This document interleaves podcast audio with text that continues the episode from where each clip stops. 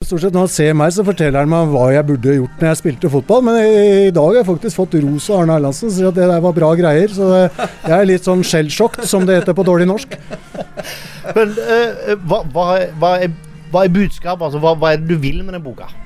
Nei, Det er mange budskap i denne boka. Det er en helhetlig tilnærming til spillet fotball. Hvordan du utvikler fotballspillere. Og det er en helhetlig tilnærming til å forstå barn og barns utvikling. Og det er ikke minst noe som jeg syns er veldig viktig. Det er hvordan du skal være mot barna på treninga for at du skal trives som trener sjøl. Vi klarer ikke å rekruttere trenere hvis de ikke har det ålreit når de er trenere. Så den boka tar opp mange av de viktigste aspektene i barnefotballen. Men den er jo fotballfaglig også ganske tung, men den er skrevet med en lett folkelig penn. Teddy, dette var den første av ja. mange eh, trenerkvelder. Eh, Hvordan vil du oppsummere den første trenerkvelden? Nei, jeg vil jo si at det her var en veldig god start på 2022. Altså det å få den gode timinga nå med lanseringa av boka eh, og få Anders ned, kjempebra. Veldig viktig tema. Eh, nå vil vi gå videre den 3. mai da, med å invitere Viggo Strømme, sportssjef på NTG, men òg Norges fremste ekspert på argentinsk talentutvikling, eh, for å se hva vi kan lære av det.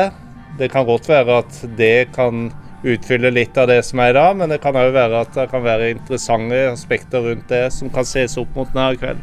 Hele hensikten med trenerkvelden er på en måte å skape en arena der folk har lyst til å komme sammen for å diskutere fotball.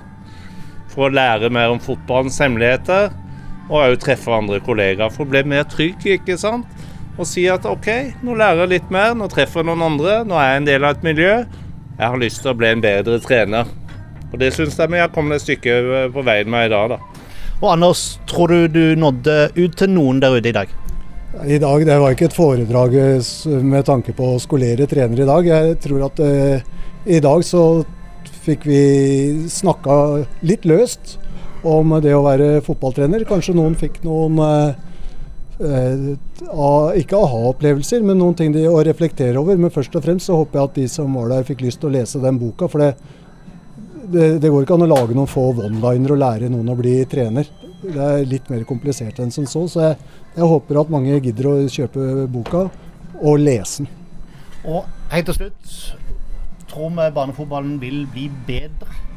Eller vil den fortsatt gå i den eh, dårlige utviklingen? Nei, er nei altså, det er jo derfor stemmen til Anders, boka og det som skjer nå er veldig viktig. For vi trenger en, en kontinuerlig debatt rundt barnefotball. Den tas i mange leirer i dag, men han tas ikke samla i norsk fotball. NFF må ta ledelsen på det her og rett og slett samle troppene nå. Vi må ha en god gjennomgang av hvordan barnefotballen skal være framover. Og så legge på plass et konsept som er godt nok. Og Anders viser jo til Belgia som en, en slags modell da, for hva de gjorde i sin tid.